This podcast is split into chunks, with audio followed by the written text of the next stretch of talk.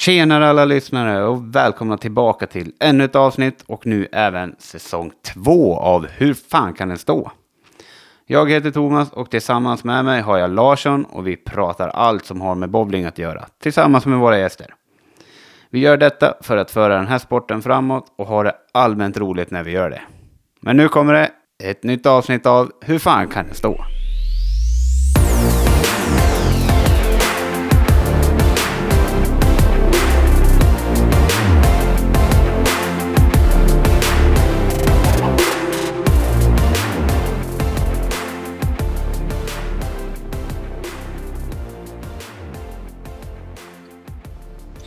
Larsson!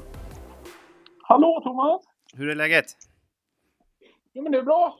Vi håller på att ta mig upp till mo- mor och far och ska väl vara här lite över påsken. Ja, vad skönt. Hela, hela två mil från vanliga hemmet. ja, men det, det kan vara skönt att komma hemifrån om man inte har varit hemifrån på länge. Så är det. Mm. Sj- Själv då? Jo då, men det, det är lugnt och skönt är det. Jag jobbar och sen är jag hemma och duttar och har mig. Så det, det är inga konstigheter om jag säger så. Som, ungefär som vanligt alltså. Ja, precis som vanligt. Det går inte att göra så mycket. Jag har inte ens vågat mig till hallen någonting. Eh, Nej. Så, så är det.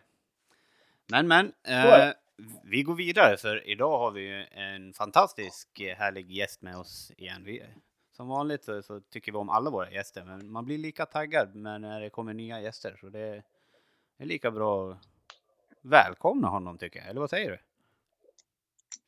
Ja, för fan det är ju bara att köra. Jag är totaggad. Ja, ja men vad bra. Då hälsar vi Robert Andersson välkommen hit till Hur fan kan det stå? Tack så jättemycket. Hur är läget? Jo, det är lite rossligt i halsen, men annars är det bra. Jag blev lite krasslig i början av veckan. Här, så. Det blev covid-tester, men det var inte covid. Så nu är jag bara rosslig i halsen. Det, det går nog jättebra då. Mm. Vi får, vi får prata lugnt och tydligt. Eh, Hade du te med dig eller vad sa du? Ja, jag dricker te och så hämtar jag lite vatten också. Så Ja. att jag ska kunna fixa det. Ja, men Men det, det, det, det är lugnt. ja, Vad kul att ni är taggade. ja, ja, men alltså det, det... Andra personligheter och alla har haft sina roller i, inom bowlingvärlden i Sverige och i världen om man säger så. Då. Och det, det är bara kul att få lite andra perspektiv och lite sådana saker. Så det är sjukt kul att du är med. Kanon. Men eh, kan du berätta om din... Eh, vi, vi hoppar lite fram och tillbaka här tänker jag nu. Men din nuvarande roll, vad, har du, vad gör du just nu inom bowlingen? Just nu så är jag förbundskapten för damlandslaget, U21-landslaget och juniorlaget. Och träningsansvarig för alla Team Sweden, både på herr och damsidan. Eh, hinner du med allting? Ja, alltså det har faktiskt... Det har, man kan tro att man inte haft något att göra under pandemin, men det har blivit väldigt... Alltså ett, ett, det som hade varit ett läge förut eh, blev tre helger nu för att vi var tvungna att träna i så små grupper. Mm. Så att det blir mycket restid och det blir mycket... Så här, vi- vi kan ju inte träna när det är öppet i hallarna heller. Så vi får ju liksom träffas och så får vi träna tre timmar och så öppnar hallen och så får vi ja, sätta oss och göra någon teori och så får vi ses igen dagen efter. Så det blir mycket tid för väldigt få effektiva träningstimmar. Mm. Och så mycket digitalt. Mm. För det, det har jag sett eh, bland eh, damerna, att de har kört lite träning, fys, fysträning på distans. Ja. Ja, men vi har kört eh, fys på distans. Vi körde väldigt länge också tävling då digitalt. Så vi fick pausa lite nu med, med tävlingsförbudet. Mm. Och sen eh, har vi då träffar med Louise, vår idrottspsykolog, eh, digitalt. Mm. Så vi träffas var, varje vecka. Dit. Det är bra. Vi träffas fast på avstånd. Mm. Så säkert Som som, möjligt. Ja, ja men precis. Ja, ja. Man gör vad man kan. Ja. Och nu har vi fått tag i sådana här eh, eh, tester, egna covid-tester. Så nu kan vi börja liksom lite sakta titta på att ha lägerverksamhet där vi kan testa alla innan Mm. vi börjar. Ja, men det är ju skönt att det är lite framgång på det sättet. Ja, absolut. Det gör allt lite lättare. Det är jättebra. Men eh, vad bra, nu vet vi lite om vad du gör just nu, men hur, hur börjar din karriär? Nu, nu hoppar vi tillbaka till allra början här, där vi skulle ha börjat, tänker jag. Oj, oj, oj. När, när började du bowla?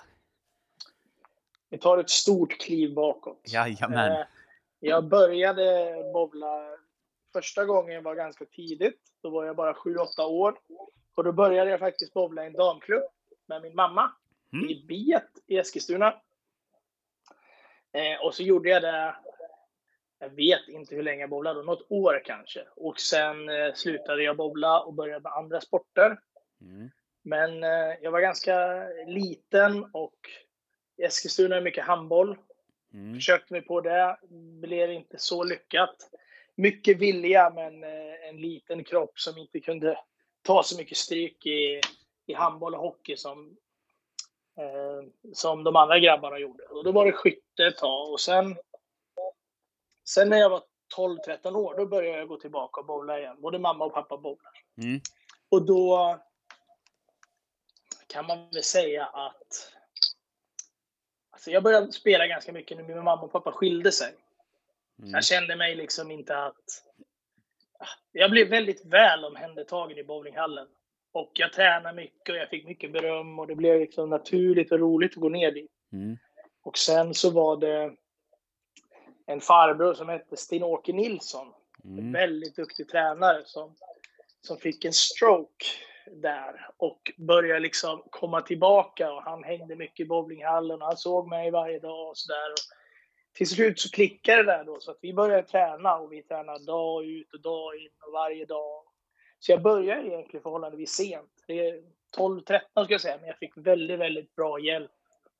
Både från Sten-Åke och Johan som har hallen. Att jag fick jobba på sådana här barnkalas för att spara ihop till ett årskort som träningskort. Mm. Och det hade jag ju önskat att jag kunde säga att oj, det var det bästa jag gjort i hela mitt liv att få, få hjälpa alla de här barnen. Men det var faktiskt inte kul alls. Det var verkligen, det var verkligen slitet. Eh, Eh, men, men jag fick mitt årskort.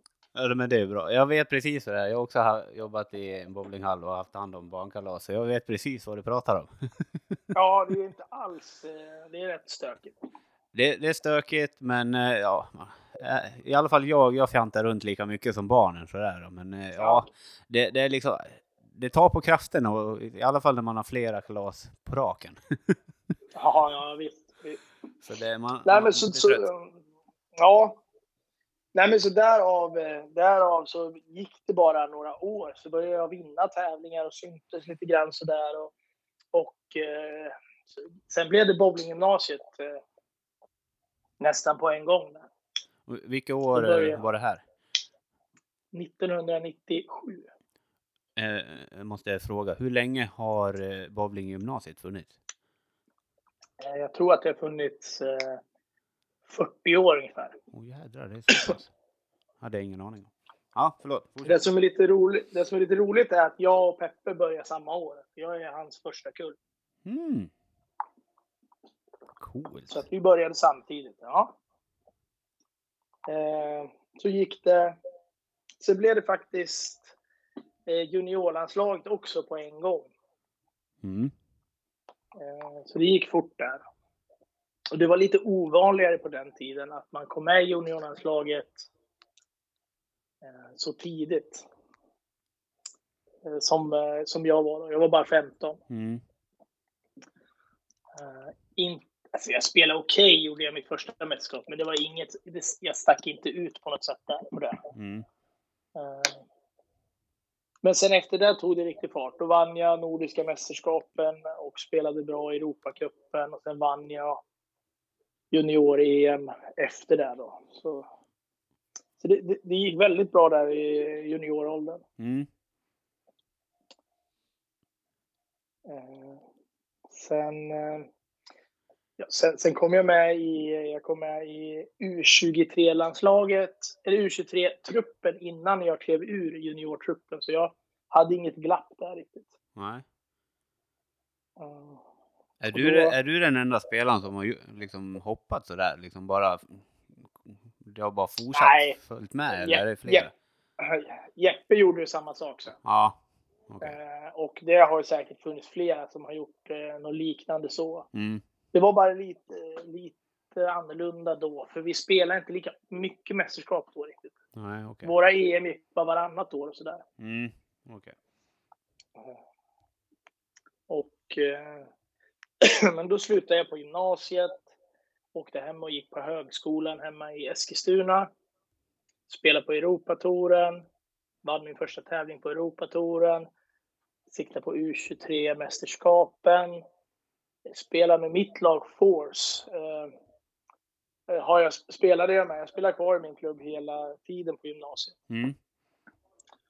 Ända till vi 2003 mötte Pergamon i SM-finalen. Mhm. Och, eh, och då eh, hade jag redan Martin kontaktat mig då, Martin Larsen. Mm. Och tagit kontakt med Alex, Alexander Cotton då, han som hade Pergamon och sagt att vi måste få över Robert där. Han satsar ju väldigt hårt på bowlingen. Mm. Så eh, efter vi förlorade mot Bergamo i, i finalen där så blev det lite Judas-stämpel i klubben för då bestämde jag mig att ta mina grejer och flytta till Göteborg. Mm. Och göra en hel satsning på bowlingen. Eh, Hur reagerar laget? Ah, alltså, De kan var- väl inte ha behandlat dig som en riktig Judas tycker jag väl, eller? nej, men alltså det var väl med lite glimten i ögat men ändå. De förstod ju. Mm. de förstod ju att, att eh, kanske... Men jag fick ju rätt mycket skit, men eh, det var en sån kultur. Mm. Att man inte kunde komma undan det. Nej, nej. Men, men sen var det såklart inga problem. Eh, och samma år då så åkte vi ner då till Malaysia. Jag kom med i seniorlandslaget samma år, 2003. Mm. Och eh, från, jag ska säga från ingenstans. Så är det aldrig med Sverige. Vi har ju en fantastisk respekt med oss när vi åker ut till mästerskap. Mm. Men just det här året så trodde nog inte så många på Sverige. För det var ju två debutanter med, jag och Martin. Och, Mm. och ja, liksom Thomas är ju, var ju fantastisk bowlare och Öman, ja, han var ju också jätteduktig. Men ah, den här gången kanske de inte skulle vara favoriter ändå. Mm. Och vi bara körde över allihopa. Så det inte var, någon, det var ingen möjlighet för någon att vinna. Så det var ju rätt häftig start på senior eh, tiden. Ja, det kan jag tänka mig verkligen. Wow. Ja, så det var häftigt. Och sen slutade alla utom jag och Martin på en gång efter det. Så det var ju Oj, ganska snopet. Så år två så var helt plötsligt jag och Martin veteran. Ja. Wow. Jaha. Men hur, Eh, hur byggdes mm. truppen då? då, Liksom? då hur, hur såg det ut då? Eh, med de som kommer underifrån? Var, var det tryck underifrån för att bygg, kunna bygga upp det igen? Eller? Ja, alltså. Det tog ju ganska lång, lång tid innan, in- innan vi hämtade oss. Om man nu kan säga att vi har hämtat oss. För, för Öhman gjorde ju väl ett av de bästa VM en svensk har gjort någonsin tror jag. Han tog ju all events, dubbel och lag då, så tre guld. Mm. Eh, De andra VM, de... Så vi, Thomas var ju med i landslaget igen när han var spelande coach. Eh, Men det blev lite... Det blev inte samma eh, skörd av medaljer som då. Mm. Och det var inte riktigt samma tryck under. Det är lite svårt att förklara, men om, om man skulle samla ihop alla Sveriges spelare och så skulle man spela någon tävling sådär. Då skulle det säkert... Eh, ja, det skulle vara rätt svårt att avgöra vilka som är bra och vilka som är superbra. Mm. Och den där sista, att bli superbra, den får du nästan bara av att vara ute internationellt och tävla väldigt mycket. Mm. Så att man liksom... jag vet inte, man får den där edgen. Att man, man gillar när man blir nervös och man gillar när det blir tufft. Och, att man tycker inte det är jobbigt. Precis. För, för det, ska, för det har vi pratat om eh, mycket, liksom, om man vill bli bättre liksom, och kunna hantera pressade situationer, då gäller det att komma ut och tävla mycket och just hamna i de situationerna som du tog upp nyss. Mm. Det gör det ju. För att när man spelar landslag sen, då är det först det. Och sen lägga på att man inte bara spelar för sig själv. Mm. För det är ju en sak om du känner, oj, om jag får ett hål här nu, då förlorar jag mina tusen kronor i startavgift. Mm. Det är ändå hanterbart. Då får jag skylla mig själv. Liksom. Mm. Men om jag får ett hål nu, då förlorar Martin Larsen en guldmedalj på VM. Det är inte så himla kul att tänka där liksom. Lite, Eller hela lite annan Sverige. press. Ja, det blir ju det. Ja. Så att det, det är svårt. Och jag, jag tycker faktiskt att an, en stor anledning att, att vi lyckats så bra i Sverige, det är ju att det är precis den där känslan man får när vi spelar liga. Mm. Att man representerar, man representerar något annat än sig själv. Mm. Eh, och det, är- det är ju det, det är det som är jobbigt nu under pandemin också. Att mycket av de yngre spelarna tappar ju mycket av det här. Mm. Oh, ja. Som får inte den här erfarenheten som de borde få. nu. Mm. Ja, det är ju en Ja, men så- jätteknepig situation alltså. För att liksom Mm. kunna jobb, jobba framåt liksom. Men man, ja, ni har ju säkert en, en jättebra plan hur ni jobbar nu som du nämnde lite grann. Ja, det är, ju, det är ju vad vi kan göra för den yppersta Team Sweden-verksamheten. Mm. Men det är svårt att göra det för alla. Liksom. Oh. Oh ja. Men, eh, ja, sen fortsätter det i alla fall med, Mm. med olika mästerskap. Och, eh, jag och Martin var väl eh, alltså par hästar i nästan tio år i alla fall. Spelar vi nästan allt tillsammans. Mm. Och eh, när man... Jag försökte i huvudet räkna, men det, jag har vunnit uppemot 30 stycken sådana här FIQ-medaljer, eller medaljer på Europanivå uppåt, Mm. eh, totalt sett. Och eh, då, det var ett lag-EM-guld i Wien som var väldigt kul. Tvåmanna-VM med Martin när vi vann det var ju väldigt stort. Mm. Vi vann det också i Korea. Det är ju i efterhand ganska häftigt eftersom att det är en så tuff bowlingnation. Oh, Själva. ja. Oh ja, de är duktiga. Ja. Eh, sen... eh,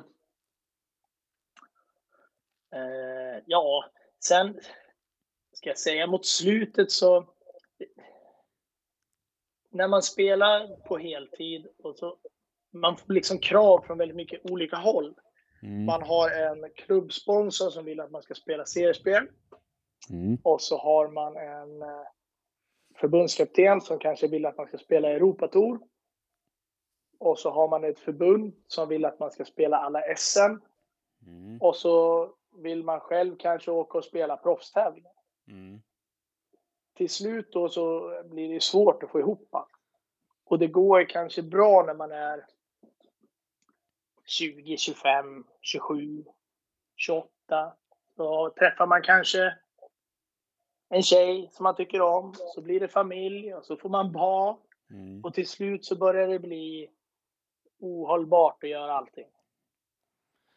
Jag har ju aldrig varit så där jätteintresserad av proffstouren. Nej, Jag tänkte har liksom- fråga.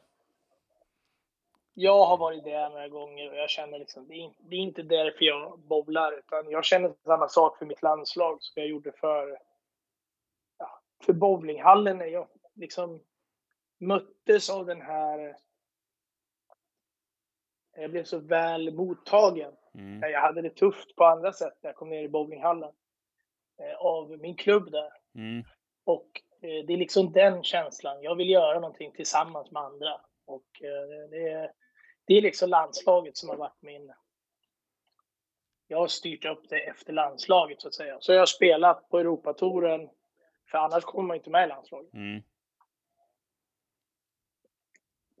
Men där har det gått ganska bra också ska jag väl säga. Jag har vunnit sju, sju tävlingar blev det på Europatouren. Mm. Om det inte slinker in någon mer eh, på sena år. Men, men, men sju just nu. Mm. Och det är ju också ganska nöjd med. Det tycker jag verkligen du ska vara. det, alltså, hur, hur, tycker du att konkurrensen på, vi tar Europatouren nu då, liksom från när du var, när du började spela Europatouren från hur det är nu, för liksom sporten har ju utvecklats samtidigt också. Är det svårare ja. att vinna en titel nu, skulle du säga, eller var det, är det lika svårt? för det är inte lätt. Det som, det, det man skulle kunna säga som svar på det som blir lite att, att nu finns det olika nivåer. Nu finns det ju satellit, brons, silver, guld och platinum. Förr i tiden så fanns, nej, det finns, här, det finns ju, om vi säger till exempel Euro Challenge, Ballmaster mm. och Lucky Larsen. Mm. De är liksom stora tävlingar och alla proffs kommer. Mm. Och sen finns det ju pyttesmå tävlingar som också klassas som Europatourtävlingar. Ah. Som är mer lokala. Mm. Eh, och då skulle jag säga att tävlingarna förut, då fanns det ju bara, det hette ju bara Europatour. Mm. Eh, och de, de var nog... Det var definitivt lättare att vinna en tävling då än att vinna Ballmaster än München. Mm. Men det var definitivt svårare än att vinna de här minsta tävlingarna på Europatouren. Mm. Jag tror den stora skillnaden då var att vi hade många fler tävlingar. Vi hade kanske 30 tävlingar om året och det gjorde då att alla bra inte kom på alla tävlingar. Nej, precis. Så nu blir det som om det finns tre tävlingar, ja då dyker ju alla upp. Såklart. Så det har ju gjort då att det var nog lättare i alla fall att klara sig på det. Mm. Det var ganska lätt att gå till final. Kan man säga. Yes. Lä ja, lättare än nu. För det där pratar de lite om eh, nu eh, under pandemin när PBA startade. Liksom. Alla kom ju inte till... Var det förra omgången de körde där eller någonting? Jag vet inte. Det var inte så många som kom och då tyckte folk, spelarna, liksom att det kunde, att det kunde vara deras chans när det inte var lika bred konkurrens med. Ja, ja precis. Ja, det är fortfarande, jag sitter har suttit och följt Masters, USBC Masters som går nu. Mm. Följer jag svenska killarna. Mm. Och eh, det är ju kanske lite klenare alltså av dem toppskiktet, att inte alla är där. Mm. Men totalt sett skulle jag säga att det är svårt. Det är svårt. Det är väldigt tufft att klara sig på bowling just nu. Just för att det finns så få tävlingar. Ja. Ja, just nu finns ju inga tävlingar. Nej. Till och med normalt. till och med normalt. Nej, precis. Till och med normalt. Så Men- det är ju kanske den tuffa, tuffa biten är ju just att åka ut och de första gångerna du åker ut på Europatouren så ja, det är klart att du kommer få stryk. Mm. Det kanske är nytt att flyga och det är nytt med hur man bokar hotell och det är allting. Liksom det, fokusen är helt fel. så då får du lite stryk och det kostar lite pengar. Mm. Det är viktigt att du får, får någon bra tävling ganska tidigt så du inte går bankrutt. Ja, det kan ju vara en fördel. Men liksom det, det handlar ju om erfarenhet och liksom Mm. speciellt för nya spelare som vågar satsa och ut och åka sådär. Det vet man ju själv när man kommer till ett nytt ställe. Man, eh, man, det är ju så mycket intryck så man kan ju inte fokusera på det man, om man ska prestera i en bowlingtävling till exempel. Det är ju supersvårt. Ja. Men liksom det, om du, när jag reagerar på det du sa, att man, ja, man kommer kanske förlora lite pengar då, men då kanske man ska se det som en investering då. Ja, precis. Det får man nog göra, men det... Men man, man, kommer en bra tävling, tävling 3 eller kommer en bra tävling, tävling 7? Mm, Det vet man ju inte. nej. Och då kan det ju vara att vid tävling 6 så börjar man tänka att det kanske inte är för mig. Mm, Så man hoppas ju att den där vinsten kommer innan man börjar tänka så. precis. Och det, alltså, jag kan bara tänka mig, för det, det är så jäkla... Jag tycker bowling överlag är en svår sport. Folk eh, vet ju inte hur svårt det kan vara verkligen, för det är så många faktorer som kan påverka eh, spelet liksom. Men sen just då försö sen försöka våga satsa på det också. Om man har talang och har lagt ner mycket tid på det liksom. Och kan mäta sig med Mm. de bästa. Men så kanske det blir bara en sån här grej genom att resa runt lite grann. Som tar stryk på, på sin karriär om man säger så. Ja, absolut. Och det, det var väl en av de stora fördelarna med att, att byta till Pergamon. Mm. Det var ju att vi var ju så många i samma situation. Och många som redan hade rest mycket och åkt runt. Så att det var ju väldigt lätt att få hjälp av folk och man åkte i grupp hela tiden. Mm. Gjorde ju att allting både blev billigare och roligare och liksom. Vi var ju, vi var ju ett lag när vi spelade seriematcher, men vi betedde oss som att vi var i samma lag. Även under tävlingen, så länge vi inte mötte varandra. Mm. Så att om jag kollade in till finalen så var ju jag ändå med och se om jag kunde hjälpa till och Martin spela och tvärtom. Mm. Nu var det i och för sig oftast tvärtom, det ska jag väl erkänna. Jag har fått väldigt mycket hjälp av Martin på. Mm. Jag hade lite dåligt temperament. Har jag haft. Mhm, Spännande. Så jag, ja, mm. Men Ja, det, det, det är du ju inte ensam om när det är i bowlingvärlden. Alltså det finns många som har temperament. Men eh, Mm. visar du det mycket alltså? Kom det fram? ja. Ja. Ja, förr i tiden var det, det var ju, jag hade alldeles för dåligt dåligt beteende. Men sen finns det någon sorglig del i mitt huvud som vet att nästan alla de bästa spelarna i världen har haft skitdåligt beteende när de har varit unga. Mm. Så att det är lite svårt. Vet, när, när man, man får inte förlora. Man blir så vansinnig när det inte går som man vill att man blir, man vet inte vad man tar sig till. Mhm. Det är ju också människor som är väldigt drivna Ja. och gör någonting åt det. Mm. Eh, Så nej, men det var väl i svordomar och sparkar på grejer och allt möjligt där. Men eh, det försvann ju sen såklart. Man blev lite äldre, men Precis. Eh, Men eh, ja, där tycker jag ungdomarna sköter sig väldigt fint, fint idag så att säga. Idag Mm. är det ju, tycker jag inte det, det är inte så. Det är inte så farligt. Skulle det, är det liksom, skulle det vara bra att ha en, en sorts balans där liksom? Att det, man, ibland så måste man uttrycka lite, lite temperament om man säger så, liksom, bara för att få fram Ja. det jävlar namma. För nu, nu jävlar måste jag skärpa mig liksom. Ja, alltså. Det går, ju, det går ju en väldigt klar linje att man inte ska sparka på bowlinghallens saker eller någon annan sak. Ja, Men om en, ja, men om en junior som jag coachar i landslaget skulle få 7-10 på ett väldigt dåligt läge och så gå fram och sparka rakt i sin egen väska. Det skulle liksom inte jag ha något problem med. nej. Eh, Så det är liksom, ja. Jag vet hur det känns. Jag hade förmodligen också gjort sådär. Eh, Sen ska jag, det är, det är ingen uppmaning för folk att eh, liksom vara aggressiva och sparka på grejerna. Men det blir ju också konstigt att se när någon får ett hål eller missar något och så ser de helt likgiltiga ut. Mm. Eh, Det, blir, det, det, det tycker jag är skumt. Mm. Sen har jag till och med sett en del som skrattar när de missar spärrar. Det är jag lite allergisk mot. Ja. Det är inte kul att se. Nej, för det, alltså, jag tänker... De, tänker de bara liksom att eh, de skrattar av sig det eller liksom och sen går vidare eller vad, vad, vad, varför tror Ja, du att de skrattar tror- liksom? Eller varför blir du allergisk för Ja. utav det? Nej, men det, ja, det är ju en försvarsmekanism. Att Mm. man antingen vill eh, liksom låtsas som att, eh, att man inte bryr sig så mycket eller man vågar inte visa att man blir att, det, att man skäms Mm. för att man missar. Och då gör man så. Mm. Eh, så det är nog bara något. Egentligen är det nog en idrottspsykolog man ska prata med. Ja. Men det är ju bara att det, det visar ju en, en väldigt eh, det är ju en, en väldigt eh, dålig grej att visa till sina lagkompisar.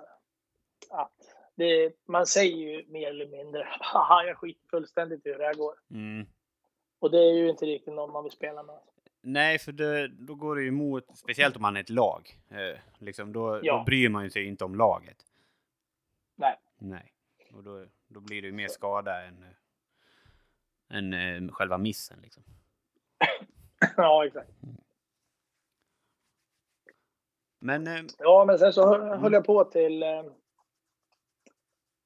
2016. Gjorde jag mitt sista EM. Mm, Och eh, EMet efter det så var det faktiskt så att jag blev inte uttagen utan jag var, försökte komma med i landslaget en gång till. Även om de kanske... Ah, Jag kände nog inte att, att de yngre spelarna började slå mig helt enkelt. Mm. Svårare än så är det inte och då ska man inte stå i vägen. Så när jag inte blev uttagen så var jag ganska okej med det mm, jag var ledsen för att tiden i landslaget liksom kändes som att det var slut. Och jag kände inte just då med en liten nyfödd dotter och en fru som har offrat så mycket för eh, att jag skulle komma så långt som jag har gjort. Att jag kan begära att de ska offra ännu mer för att jag ska komma tillbaka igen. mm, För att slå ut en junior som ändå kommer slå ut mig igen nästa år. mm. Då kände jag nej, så får det vara. Ja. Och då, och då hade jag ju faktiskt också, det kan vi prata om någon annan gång, men, men då hade jag redan börjat etablera mig lite grann som coach för vårt U21-landslag. Ah, Och det var en av de spelarna som tog min plats. Så det var liksom, tiden har sin gång. Ja. Det, man, man kommer ju oftast dit någon gång. När man får den, den bistra sanningen. Men då är det ju Alltså- jätteskönt att höra liksom att du har haft eh, sunda tankar kring det, om jag säger så. Man måste ju alltid se att det är liksom ingens rättighet den här platsen i landslaget utan det ska kännas som en ära varje gång man får vara med. Mm, Men man kan inte begära att få vara med. precis. Man måste göra jobbet också såklart. Ja.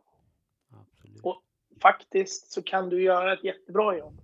Men är det sex andra som gör ett ännu bättre jobb, ja då räcker inte det heller. Nej, då är det ju tufft. Men eh, då... Ja. Det, och, det är ju då jag tycker den här vinnarskallen och det där jävla anamma ska komma fram till den som har gjort det här bra jobbet och inte kommer med. Liksom, att fortsätta liksom. Att se det som en morot liksom. Precis. Och det tror jag eh, eh, förmodligen så hade jag inte reagerat så där om det där hade hänt och jag var 23 år, singel. Mm. Då hade jag ju lagt i en till växel. Men Mm. nu kände jag så här, ja, jag är faktiskt glad att jag var ju fortfarande ganska bra då. Mm. Jag var ju stenklar i Pergamos A-lag och slutspelstrupp och fortsatt liksom. Inte på något sätt att jag hade liksom sunkat ihop som bowlare utan det var helt enkelt att de unga spelarna hade tagit sådana kliv att de klev om mig. Mm. Då är det bara att, ja, då får det vara så. Det är häftigt eh, att att lyssna på. Det, Ja. det är kul att höra. Eh, Man blir, man blir fascinerad utav det faktiskt. Mm. Men eh, du, du är ju tränare också. Hur, hur kom du in på den biten? För det, jag, har sett, jag har sett det på gamla goda tiden när det var bowlingkanalen och sådana där grejer. Då satt man Ja. och tittade på dina filmer och sånt där. Hur kom du in på tränarspåret? jag kom in på tränarspåret för... Eh, alltså det, det, det är ju ett lag. När jag började i, i min klubb Force så var det Jonas Andersson och Tobias Melin. Det var mina tränare alltså, Mm. som sen blev mina klubbkompisar. Så när jag började i, i Pergamon så blev det väl att, att jag började att småhjälpa de yngre killarna som kom till, till vår klubb. Mm. Eh, och sen har jag väl en... en, en, en så, jag säger, jag började som en stor motståndare till Svenska Bowlingförbundets tränarmaterial. Ja. Jag tyckte den var, jag tyckte den var alldeles för, eh, för oflexibel. Det var nämligen så att Martin gjorde rätt och jag gjorde fel. Okej.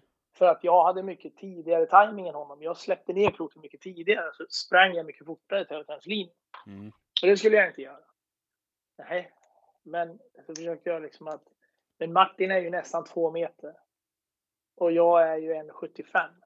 Om vi gör precis samma sak så kommer det ju inte bli samma resultat. Ja, men nu står det i de här papperna att eh, så här många centimeter ska varje steg vara, klotet ska vara här. Så här. Och, nej, då, då gjorde jag, jag, jag, jag gjorde ju det ett tag och det gick ju skitdåligt. Mm. Så efter eh, tre, fyra månader så nej, nu lägger jag ner det här. Så det här tänker jag inte hålla på med. Och då var man väl lite kaxig och sa att jag har redan vunnit VM en gång. Liksom. Jag kan nöja mig med den tekniken. Mm. Eh, men eh, då kom det en sportchef för förbundet som heter Ulf Josefsson och sa Ja men Robert, vi har förstått nu att du inte är riktigt nöjd med det här. Ja, nej. Är det inte bättre att vi hjälps åt och gör ett bättre material? Och på den vägen så började jag jobba med förbundet istället Ah. och börja gå alla våra utbildningar. Mm. Eh, det gick till och med 2011, 2012 gick jag på elittränarutbildningen på Bosön, den högsta man kan gå i Sverige. Mm. Eh, och så skrev jag liksom ett publicera lite forskning kring bowling och lite eh, alltså, e- ett program som tillät variation beroende på hur lång man var, handlade det om. Okej. Men i grund och botten, i grund och botten så, så var det mer att det är så individuellt hur man spelar bowling. Att det, det är väldigt svårt att skriva ner på papper hur man ska göra. Mm. Så när jag var när jag var alltså, min prime time, då var det två spelare som dominerade. Den ena var Tim Mack. Mm. Vet du vet du vem det är hur han spelar? Ja. Ja, han var ju då, den, den tiden då var han ju liksom en monstercrank. Mm. Tidigare amerikansk fotbollsspelare, svingen upp till taket och bara veva på den. Mm. Och den andra var Anders Öhman. Eh, uppifrån Norrland. Väldigt få rotationer. Spelar spikrak, nästan inga varv alls, men grym precision. Mm. De var som, de var som värdar ifrån varandra. Och båda vann tävlingen. Ja. Och så ska man ha ett material som säger nej men så här ska det gå till. Nej. På den vägen då börjar jag liksom hålla mycket kurser och ja, blev, blev indragen väldigt mycket i det där, i den tekniska biten. Mm. Eh, och det var väl det, det sen som gjorde att, att jag kom in som och började hjälpa till med U21-landslaget. Att jag var ändå alla fyra killarna som blev uttagna, jag var ändå deras tränare, allas tränare. Mm. kunde jag lika bra.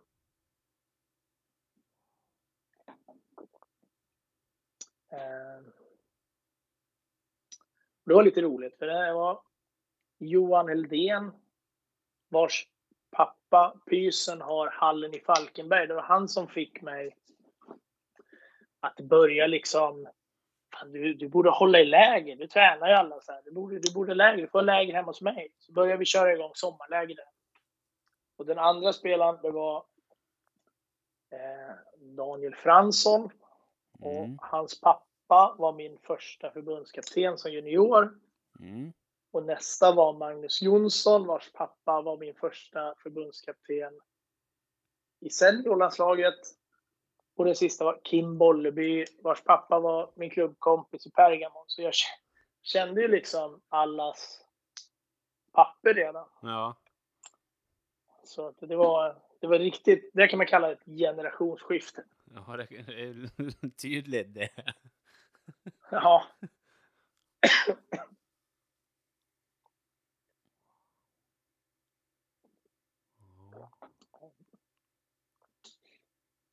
Mm. Coolt. Eh, men... ehm, för att se alla, jag är inne på tränartänket nu lite mer. För att se liksom Mm. spelare på, på det sättet som de gör och så som de vill göra och kunna motivera dem till att eh, kanske ändra någonting så att det blir bättre för dem, men att de ska förstå förändringen också. Lite mer pedagogik i det hela. Hur, hur, hur är du som pedagogisk tränare, om man säger så? jo, men jag har nog ganska bra tålamod. Jag är inte så där jättebesatt i att jag tycker att det är roligare att träna en duktig eller en inte duktig spelare, utan det viktiga är liksom engagemanget från spelaren. Mm. Eh, sen har jag lite andra grejer, så att jag tycker att det är dels att det är väldigt mycket fokus på små tekniska detaljer. Det kan ju finnas spelare som letar efter en perfektion som inte finns. Mm.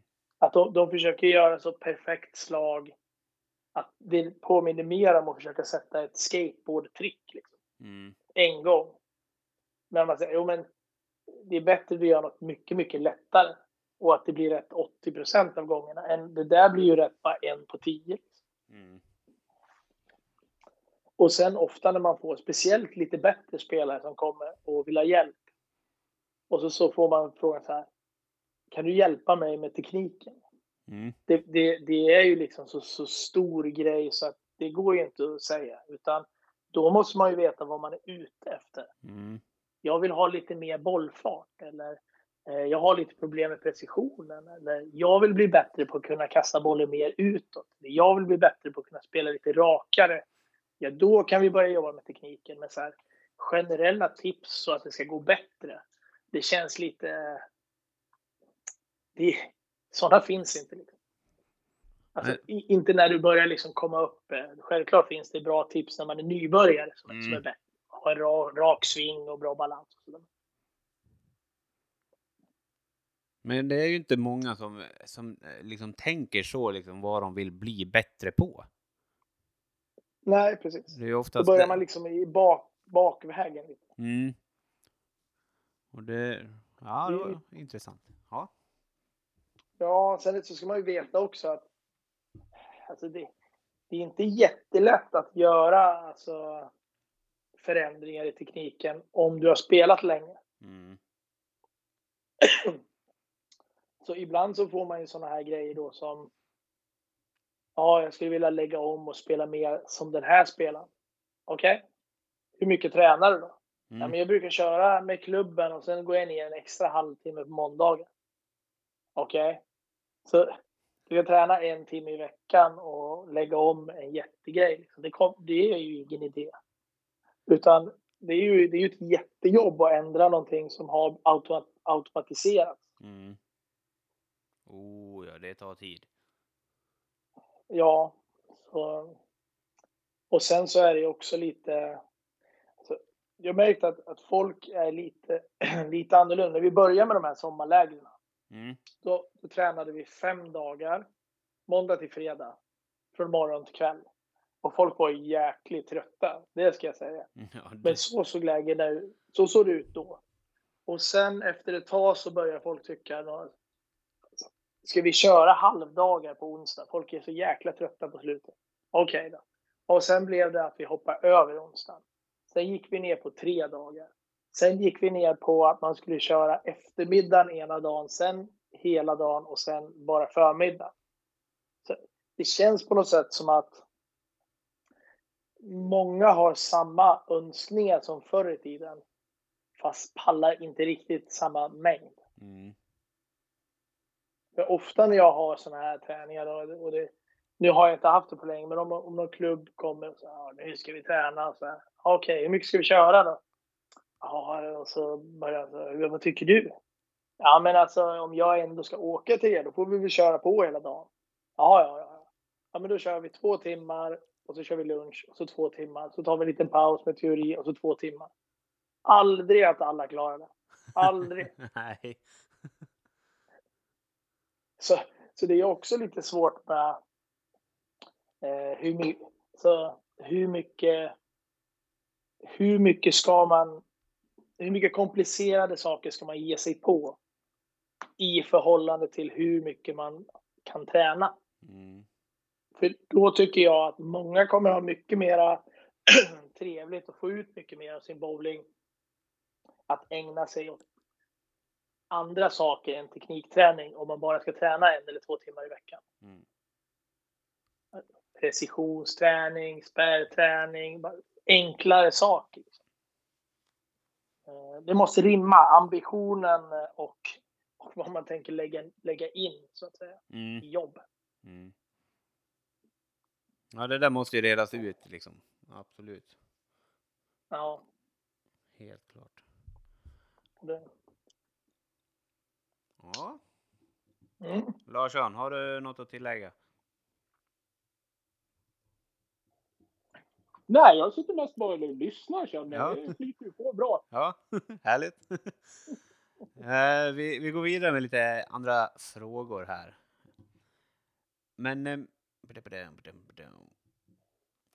om, om vi är inne lite på talang och sånt där och mängdträning och, och sånt där.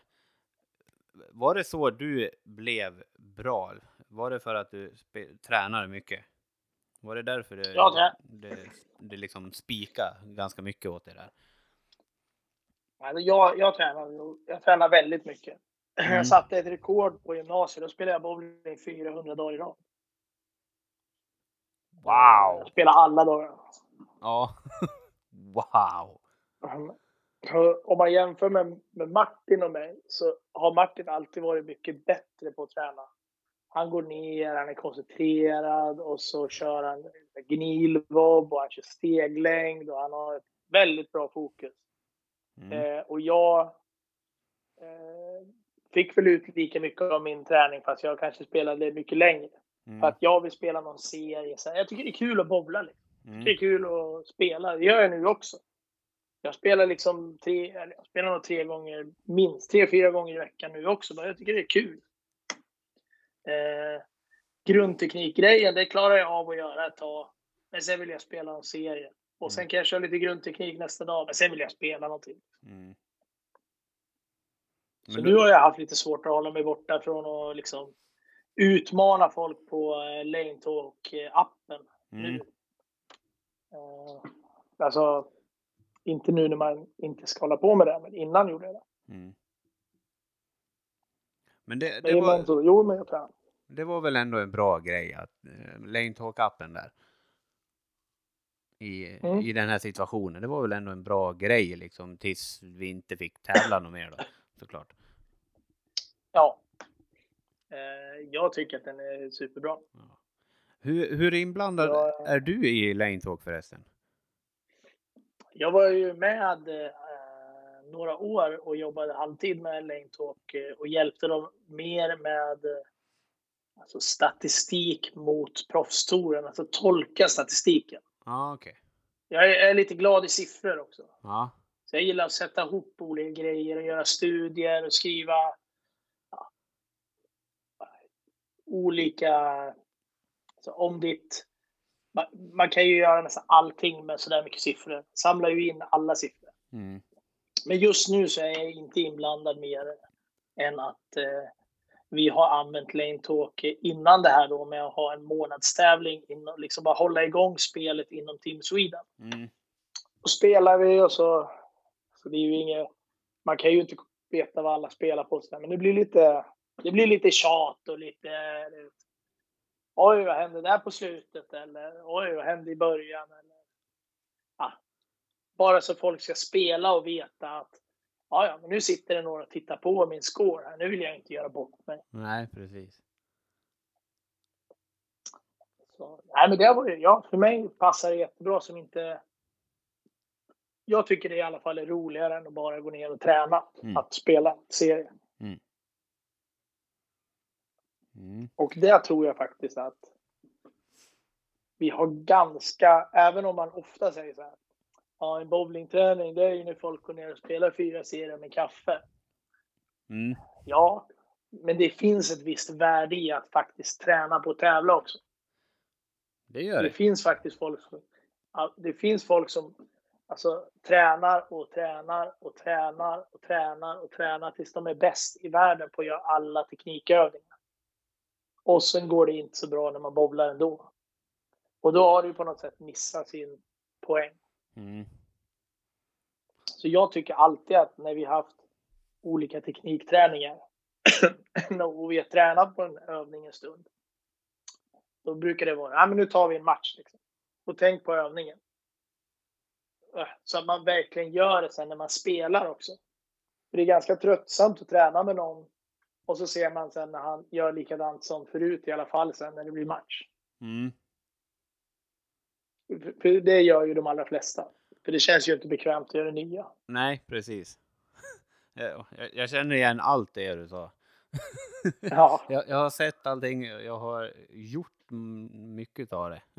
Jag är en sån där som tränar och tränar och tränar och så ska det sitta. Och så, Ja. och så kan jag inte spela match sen. Nej, då finns det ju andra saker. När man, när man tränar bowling så att säga. Det är ju också att träna på att tävla och det är att träna på idrottspsykologi och det är att träna på allt som egentligen gör att du får högre poäng Mm. om man ska vara ärlig. Mm. Sen finns det en annan grej med träning också. Och det är att du garanterat får beröm. Mm. Om någon säger till mig, idag har jag tränat tre timmar. Ja, men det var jättebra säger de. För det tycker jag. Det är skitbra om man kan träna tre timmar. Mm. Och då tänker de, "Fan, det här var ju kanon. Jag tränar tre timmar imorgon också. Du har tränat tre timmar idag igen. Ja, men det är kanon. Och sen så kommer scoren på och det är tävling. Ja, då kan du ju spela tre timmar, men det går dåligt. Då får du ingen beröm. Nej. Ah, det var bättre att träna. Då vet jag att jag får beröm. Mm. Och då känns det bättre att, att bara träna. Precis. Så det, det kan vara lite farligt. Ja, det är en jäkla fin balans alltså. Ja, det är det. Alltså, för jag har märkt det liksom när det har varit när vi har varit på våra tränarutbildningar och allting sånt där. Alltså det, det pratas lite om liksom all den här balansen som vi har tagit upp nu. Liksom. Vi, man har ju fokuserat så mycket på teknik och material och man vill lära ut det och det sen när man kommer tillbaka. Mm. Men liksom den här balansen till att eh, verkligen bara spela också. Det, det pratas för lite om det tror jag. I alla fall i, Ja. i våra kretsar. Eh, Det är min åsikt i alla fall. Ja, men om du tar som den där, vi säger den där meningslösa matchen, fyra serier om en dricka. Mm. Om man hade gjort så att man hade träffats i hallen innan och så hade man gått igenom profilen och så hade alla fått berätta vad man har för gameplan. Mm. Och sen hade man gått ut och tagit den där matchen. Och sen hade man satt sig efteråt och eh, gjort en liten utvärdering. Så. Och hur tyckte du gick i förhållande till din gameplan? Nej, det gick inte alls som jag hade tänkt, men det svängde mycket, eh, mycket mera och så gick det dåligt. Mm. Okej, så kan man skriva upp det på en lapp. Och så nästa vecka, då kör vi samma profil igen. Alla har med sig sina anteckningar och så liksom gör ni en ny gameplan efter hur det gick förra gången. Då är det en jättebra träning för att Mm. lära sig vad det är som händer. Mm. Så att det beror ju lite grann på hur det har gått till så att säga. Mm. Om man bara slentrianmässigt bankar iväg några serier, ja det är kanske inte så bra. Men, men det är ju eh, jättebra att tävla, eh, träningstävla också. Mm. När vi får det. Precis. När vi får det. Ehm, men jag tänkte, åh, nu kommer jag av mig. Jag kommer alltid av mig i något avsnitt. Men eh, hur, hur gör du när inte engagemanget är där från spelare? Har du några bra tips på det? Hur, hur kan man få dem att motivera till att få och göra det här vi har tagit upp nu liksom? För det går liksom att försöka och motivera dem till att varför allting är så himla bra, men sen vill de bara köra de här sina fyra serier och inte ha något Mm. speciellt mål med det, liksom, inte ens tävlingsträna. Liksom. Hur, hur kan man motivera spelare? Det där är ju en... Det där är ju väldigt lurigt. Det, I idrottspsykologin så säger du att, att du kan lyckas med mycket saker genom att få motivation. Men du kan inte bli en riktig mästare om det inte är inspiration det kommer ifrån. Mm. Alltså att det ska komma från insidan, från dig själv. Mm. Det finns ingen som har blivit puttad ända fram till att bli en världsmästare. Nej. Eh, och jag hade, jag hade betydligt mera tålamod och liksom eh, att jag pushar folk mer. Nu har jag ju lyxen att har du kommit till den nivån att du ska kanske försöka komma med i mitt juniorlandslag och jag tycker inte du ser jätteengagerad ut. Ja, då kommer du förr eller senare trilla bort. Mm. För jag tänker inte stå här och försöka övertala dig att komma med i landslaget. Då tar jag hellre med någon som ser ut att kunna hugga av sig armen för att komma med i landslaget. Mm. Och den lyxen har man ju eh, här för att vi har så mycket duktiga ungdomar. Mm. Sen har jag ju jobbat i andra länder där det inte är så. Och då får man ju hålla på med alla tricks i hela boken. Mm. Att eh, det är belöningar och det är straff och det är roliga grejer ska hända bara vi tränar. Och, och det är tungt. Det, det är jättetungt. Ja, det är det. Men, men eh, du sa ju, nu kommer jag på, du har ju varit, eh, har du varit coach eller tränare för något annat landslag eller ett annat land? Jag kommer inte ihåg hur det var. Ja. Jag har, eh, jag har varit, eh, jag har varit förbundskapten i flera olika länder. Mm, Eh, Men jag har bott i Saudiarabien och varit förbundskapten där så var det. i ett och ett halvt år. Mm. Och det kom av... eh, Jag, försöker, jag har alltid försökt jobba med, med, sven, med svensk bowling. Mm. Och eh, jag jobbade ju länge med U21-landslaget. Men en omstrukturering i, eh, ifrån förbundets sida gjorde att, att man skulle ha en förbundskapten för alla landslag. Och eftersom att jag själv spelar i seniorlandslaget så var det liksom inte möjligt för mig att söka tjänsten. Nej. Eh, Så när jag väl var klar där då så, ja då fanns inget jobb för mig här. Och motiveringen var väl att, ah, vi har ju förbundskapten och du har inte så mycket förbundskaptens erfarenhet. Eh, och det var väl sant, så då, då bestämde jag mig för att då får jag väl helt enkelt ta och skaffa mig det. Mm. Då valde jag mellan att flytta till Hongkong eller Saudiarabien. Då, då valde jag Saudiarabien. Eh, varför valde du att- flytta familjen med dig ner? Ja, eh, ett tag. Ja. Eh, Det börjar ju med att man måste jobba där tre månader själv innan man får ta dit familjen. Okej. Och skaffa sig ett ICAMA heter det, som ett green card. Mm. Så då gjorde jag det och sen kom min familj ner. Så var de där i fyra månader och så åkte vi hem på semester. Och sen sa min fru, jag kan inte följa med tillbaks. Mm. Jag kan inte åka med tillbaks. Nej, det, det är okej. Och eh, jag vill inte heller bryta massa kontrakt och grejer. Så jag åkte ner och sa som det var och så sa de att ja, nu har vi ju såklart investerat väldigt mycket pengar i det här.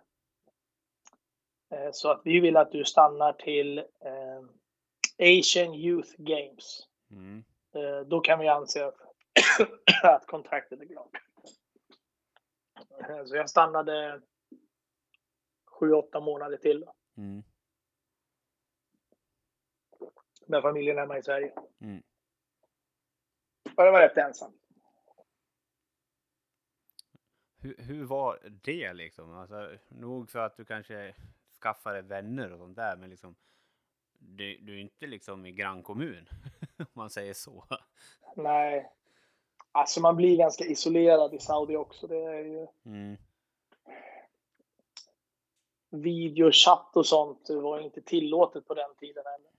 Åh, Så där fick man hålla på med såna här. Ja. Wow. det gick ju att komma runt med lite olika VPN och sånt där. Men, ja, men det blev, det blev mycket gym, Mm. mycket träning, mycket... Alltså de är jättetrevliga spelare. Mm. Men det är ju... Ja, det är en annan kultur och helt enkelt så det finns inte så mycket att göra. Nej. Eh, Men det blev ett väldigt lyckat mästerskap och eh, jag kunde lämna liksom, som vänner. Mm. Så det var inga hard feelings. Så det kändes ju bra. Ja, men det var väl bra. Och er, erfarenheter rikare kan man väl säga. Ja, absolut. Eh, men då, då fick du ju mer erfarenhet. Det var ju egentligen det du, du ville ha. Ja, exakt. Och sen kom jag väl hem då lite tidigare än vad jag hade tänkt mig eftersom att, jag, att vi förhandlade om det där kontraktet. Så det fanns fortfarande inget jobb här i Sverige. Mm. Så då eh, fick jag ett erbjudande att ta över isländska landslaget. Mhm. Och eh, det gjorde jag då. Och det gick också jättebra. Arta David från Island och vi var med och vann Islands första Europatourtitel och sen så vann han hela Europatouren. Wow. Så, så det, det var ju väldigt lyckat. Ja. Han flyttade till Sverige sen för att följa sin bowlingdröm och sen kom hela, hela covid-grejen. Det var ju väldigt otur för honom, men han gjorde fantastiskt bra. Mm. Så Men han har Det- bott kvar i Sverige under hela pandemin eller har åkt han hem, tillbaka hem? Nej då, han bor i Höganäs. Mm. Spelar för dem. Mm. Coolt. Yes, vi går vidare tycker jag. Eh, med din karriär och allting som eh, du har gjort. Hur tycker du det är att liksom leva på bowlingen om vi säger så i Sverige? Är det, är det tufft? Hur var det förr? Hur är det nu tycker du? Vi pratar ju i alla fall före covid eh, gissar jag. Ja, det gör vi. Eh, Nej men.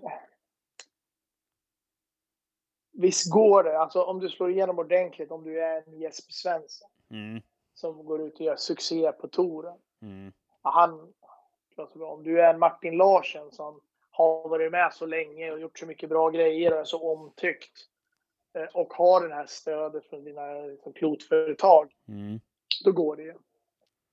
Det svåraste liksom, är, det är dit man måste komma. mm, Och för att få de kontrakten, då måste du göra bra saker i USA. mm. För de är inte så intresserade av vad som händer i Europa. Nej. Och för att komma över till USA, där är ju den stora grejen som jag gärna skulle vilja att vi kunde jobba mer med att hjälpa våra unga spelare dit. Mm, För i Europa är det en ganska vänskaplig... Så om du åker till något land så kommer folk att hjälpa dig. mm, Och då tycker det är kul att du kommer. mm. Inte riktigt känslan man får om man åker till proffstouren. Nej, tvärtom. Folk är där för att tjäna sitt levebröd. Ja. Du får väl göra vad fan du vill. Lite så är det. Mm, Och det kan vara en ganska jobbig känsla. Man känner sig nog rätt ensam. Och inte nog med det så är ju alla de här spelarna de är i Brunnsvik-gänget eller Storm-gänget eller Motive-gänget. mm, Så är du inte med i något sånt gäng heller, då är du ju helt... Liksom, då då är det li- lite som en utböling. Eh, Och där känner jag att man skulle kunna, kunna vara med och stötta i alla fall, så de känner bara att någon är där. mm, Eh, tills man börjar lära känna de här människorna som man känner att man vill ja, hänga med där på touren. mm, Kanske få sitt klotkontrakt eller sådär. mm. Det kan nog vara lite avskräckande första gången annars. Ja, det kan jag tänka mig. Mm. Och det är ju ingen grej som man egentligen vill lägga på våra andra spelare. Att säga liksom att nu ska ni ta hand om det här. De har ju nog med att ta hand om alla pressen på sig själv och spela bra och sådär. Ja, jo men precis. De ska ju få åka dit och vara bowlingspelare. Mm. Jo, för de, de är ju Ja. där för att just eh, göra det, det vi sa, liksom. Tjäna pengar på det, sitt levebröd liksom. Ja, Och det, det tar ju tid. Det, det är ju inte en dans på rosor liksom. Nej, det är inte det. Och sen går det väl för alla liksom att vinna lite pengar hemma, men det är ju liksom det är väldigt svårt med det här. Det är så mycket handikapp överallt att, att, att det, är- det är svårt. Mm. Det går, inte, det går liksom inte att säga att det är någon, knappt en plusaffär att åka runt och spela. Nej, precis. Bara Men- för att du är duktig. Mm. För jag tänker, vi, vi har varit inne på det ämnet tidigare i eh, flera avsnitt och liksom, Mm. vad tror du om en lite fler tävlingar där det inte är något handikapp här i Sverige? Ja, det hade varit jättetrevligt. Det, jag, Speciellt på ungdomar. Mm. Ungdomssidan.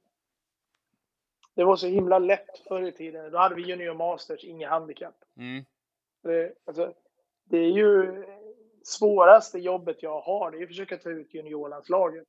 mm, För jag har ju ingen aning.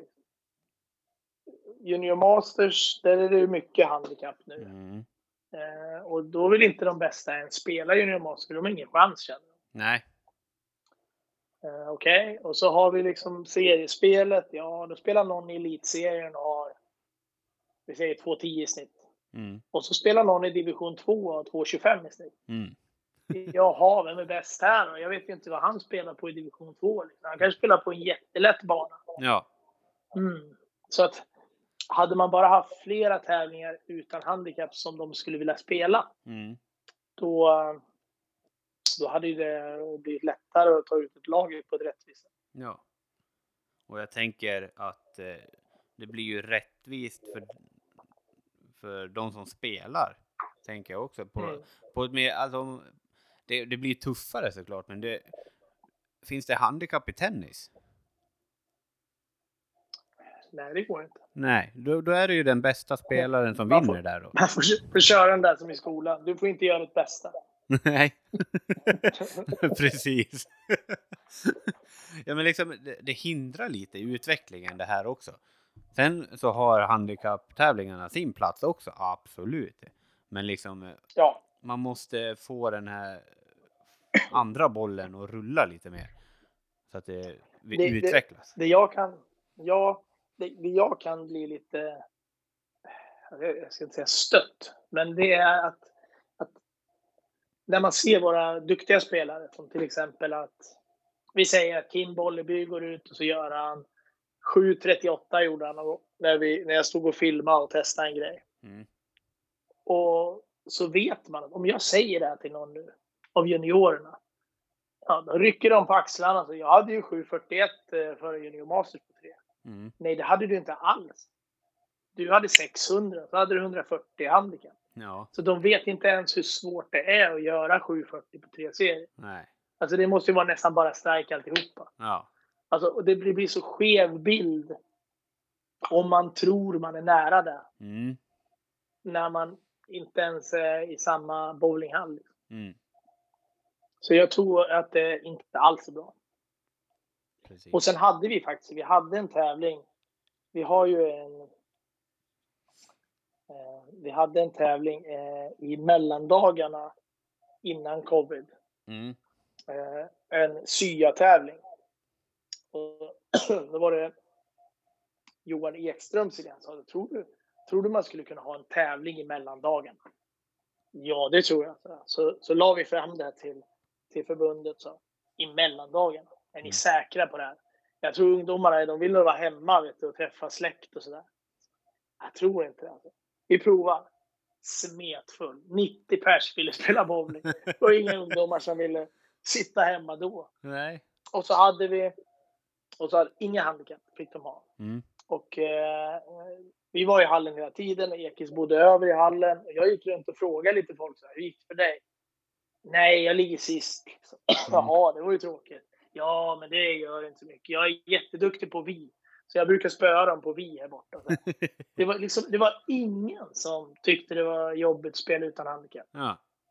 Och någon annan säger, jag ligger inte så bra till, men jag har bara spelat två år. Ja. Så jag vet inte vem som tror att de kommer liksom... Det är inte, det är inte de själva. Nej. Jag vet inte om det är föräldrarna eller någon annan som är rädda för, för att ta bort det. Ja, det vet inte jag heller. Vi, vi har funderat och funderat, men vi har inte kommit fram till någonting. Ja, nej, precis.